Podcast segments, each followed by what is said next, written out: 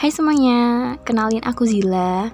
Di podcast perdana aku kali ini, aku bakalan ngundang bintang tamu yang spesial banget. Uh, jadi dia itu kakak kelas aku waktu SMA, kakak kelas yang tengil, kakak kelas yang ngeselin pokoknya. Uh, langsung aja silahkan memperkenalkan diri. Halo semua, aku Anis yang katanya kakak kelas yang ngeselin. Enggak, sebenarnya di balik ketengilannya tuh dia menyimpan banyak hal. Contohnya ya tentang topik yang akan kita bahas saat ini tentunya. Jadi apa sih topik yang bakalan kita bahas saat ini tuh tentang kegagalan. Lebih spesifiknya lagi mungkin tentang kegagalan meraih universitas impian. Nah, pas banget bintang tamu kita kali ini dia tuh udah berpengalaman banget nih tentang ditolak, tentang pokoknya dia udah mengalami banyak banget penolakan universitas tentunya. Langsung aja aku pengen nanya satu hal nih yang pertama gimana sih rasanya mengalami masa-masa terpuruk, masa-masa sedih pas ditolak sama universitas impian? Rasanya ya pasti sedih ya, pasti hmm. sedih ya, hmm. Pasti terpuruk, down. Tapi tinggal pintar-pintar kita aja untuk uh, untuk wake up lagi, untuk bangkit lagi dari keterpurukan itu. Karena masih ada hari esok gitu. Wis, mantap banget nih. Kayak udah pengalamannya udah banyak banget ya. Uh, terus, nah kan uh, kamu ngerasa banyak banget uh, hal yang bikin kamu kayak sedih banget kan, sedih banget kan pas waktu itu. Nah, apa sih bagian apa, part di part yang mana yang kayak kamu tuh ngerasa kayak udah nggak mau hidup lagi gitu? Kayak ngerasa hidup tuh nggak udah nggak guna banget. Kayak yang pokoknya part mana yang bikin kamu tuh kayak paling terpuruk pas ditolak? Kalau semua kegagalan sih pasti menyedihkan pasti sakit kan ya hmm. kalau ditanya partnya yang bagian mana itu aku bisa menjawab bagian kayak misalnya pas kita lagi ditolak nih satu universitas nih ya hmm. pasti kita bawa bu bawa kabar buruk kan untuk hmm untuk keluarga, untuk orang tua. Nah, menurutku part yang paling menyedihkan yang bikin aku merasa kayak useless gitu kan ya. Iya. yeah. Itu part yang pas aku ngabarin kedua orang tuaku gimana hasilnya, hmm, apakah diterima atau gimana. Itu sih yang menurutku part atau bagian yang paling menyedihkan. Hmm, iya sih, setuju banget kalau pas itu kayak orang tua udah memperjuangin udah berusaha banget tapi kita ngerasa kayak kita mengecewakan orang tua gitu kan mesti ya iya pasti hmm, omong-omong tentang orang tua nih kan pas di waktu kamu menyampaikan hal itu kamu menerima kegagalan terus kamu menyampaikan hasilan sama orang hasil kamu sama orang tua kamu pasti kan kamu nangis kan di rumah itu. Nah gimana sih respon orang tua kamu pas lihat kamu nangis lihat kamu sedih terus ngurung diri di kamar? Kayak gitu gimana sih respon orang tua kamu buat pengen banget kamu biar ceria lagi biar kembali nggak sedih lagi? Itu gimana sih kalau menurutku itu setiap orang tua kan pasti punya cara tersendiri ya buat uh, membangkitkan spirit anaknya. Mm -hmm. Nah, di sini kedua orang tuaku tuh juga berbeda tipenya baik hmm. bapak sama ibuku tuh beda cara membangkitkan spiritku hmm. kalau bapakku tuh lebih ke tipe yang diem jadi dia uh, membiarkan aku gitu loh kayak biarkan dia uh, give me time gitu loh kayak memberikan aku waktu untuk sedih gitu-gitu hmm. dan dia eh, nggak uh, berani nggak berani bicara kalau aku lagi kayak gitu nah terus kalau ibu kamu gimana nih kalau ibu itu lebih yang ke ngomel atau ngomelnya bukan berarti hmm, marahin iya, iya. tapi kayak udahlah kan pasti banyak banget jalan untuk menuju kesuksesan nah hmm. ibu aku tuh lebih kayak ngasih nasihat-nasihat gitu biar uh, ya biar bangkit lagi biar nggak sedih lagi gitu hmm, nah bener banget kalau ibu sama bapak tuh emang memiliki cara cara yang berbeda cara tersendiri gitu buat nanganin masalah-masalah kayak gitu emang. Nah uh, nah itu kan pasti kamu nangis ya tuh di kamar kayak mengurung diri. Iya. Nah itu ibu kamu gimana sih nanggepin pas kamu nangis? Apa dia biasanya kan ada tuh orang tua ibu yang sama anaknya tuh akrab banget. Anaknya tuh apa-apa cerita sama orang tuanya. Jadi kayak orang tuanya itu apal banget sama anaknya. Nah itu ibu kamu apa? Mungkin dia langsung pas kamu nangis di kamar sendirian nih apa dia langsung datengin kamu ke kamar terus udah jangan nangis apa? Atau kamu dipuk-puk pundaknya? Apa gimana sih orang tua ibu kamu mungkin cara nenangin kamu pas lagi nangis jadi kalau ibu aku itu tipenya yang langsung nyamperin gitu kayak ngelus-ngelus pundak udah nggak apa-apa kayak hmm, yeah. masih ada jalan lain menuju kesuksesan masih banyak jalan nggak cuma ada satu jalan kok gitu. Is, kayak semuanya tuh bakal baik-baik aja gitu.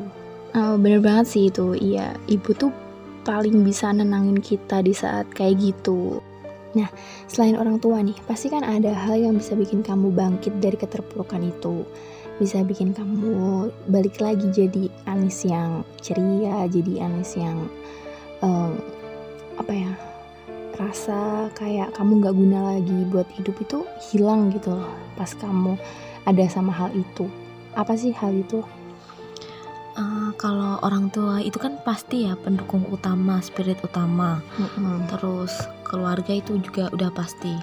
Nah saat terpuruk itu kan kayak aku tuh merasa sendiri gitu loh. Merasa sendiri walaupun sebenarnya banyak uh, orang yang dukung aku orang tua keluarga temen. Tapi yang aku rasain tuh sendiri gitu loh. Tapi setelah aku nemuin hal ini kayak merasa semua rasa-rasa kesendirian kesepian itu tuh hilang. Apa tuh? Mereka itu adalah BTS. Wah, BTS ternyata guys. Pasti nih ya, orang-orang yang tahu tentang BTS itu pasti tahu kok seberapa banyak manfaat karya mereka, eksistensi mereka terhadap uh, yang tahu BTS pasti tahu kok bahwa mereka tuh sangat berpengaruh sih menurutku. Jadi ada salah satu member BTS namanya Suga yang pernah bilang gini Take your hands off of what you can't control and get your hands on what you can change. The only thing you can control yourself. Apaan tuh artinya? Jadi ya kamu harus melepaskan sesuatu yang nggak bisa kamu kontrol gitu loh. Tapi kamu harus mengubah sesuatu apa yang di bidangmu itu yang bisa kamu rubah gitu. Wih, bener banget sih itu aduh kalau kita ngomongin BTS saat ini di podcast ini nggak bakal ada habisnya ini nanti. Jadi mungkin next podcast bisa nih kita bahas full BTS ya. Jadi buat kalian para army nantikan podcast kita selanjutnya yang bakalan bahas BTS full. Aduh pembahasan kita dari tadi tuh berat-berat banget gak sih? Kayak mulai sedih-sedih terus. Tapi emang kalau kita ngomongin hal kayak gini tuh ya ini tuh emang namanya bekas luka yang kita korek lagi kita buka lagi ya pasti bakalan sakit. Jadi daripada sedih-sedih kita agak ada intermezzo dikit nih. Uh, tadi kan aku udah ngenalin Anis sebagai kakak kelas SMA aku yang ngeselin. Mungkin kalian kepo kali ya kenapa sih bisa aku kesel banget? Kenapa aku sebel sama dia? Karena pas aku kelas 2 dulu dia tuh kan kelas 3 ya. Dia nolak SNM IPB guys. Bayangin. SNM IPB dan itu prodinya lumayan bagus sih dia tolak. Ya nggak asal apa prodi prodi apa sih? Enggak dia tuh nolak SNM IPB prodi yang lumayan bagus di di univ itu. Banyak kebayang gak sih kalian sebagai adik kelasnya dia sekarang aku pengen denger nih alasannya kalau aku cuma denger sebagai adik kelas mungkin kan cuma dari satu sudut pandang. Nah uh, aku pengen denger alasan dia kenapa sampai bisa-bisanya nolak SNMIPB yang semua orang pasti banyak banget yang pengen masuk ke univ itu. Apa sih alasan kamu nolak dulu tuh gimana? Coba jelasin ke aku sekarang biar aku mungkin bisa pengertian dikit kali ya Oke, jadi nolak itu pasti ada beberapa alasan bukan hanya satu ya. Banyak beberapa faktor yang bikin aku harus menolak IPB.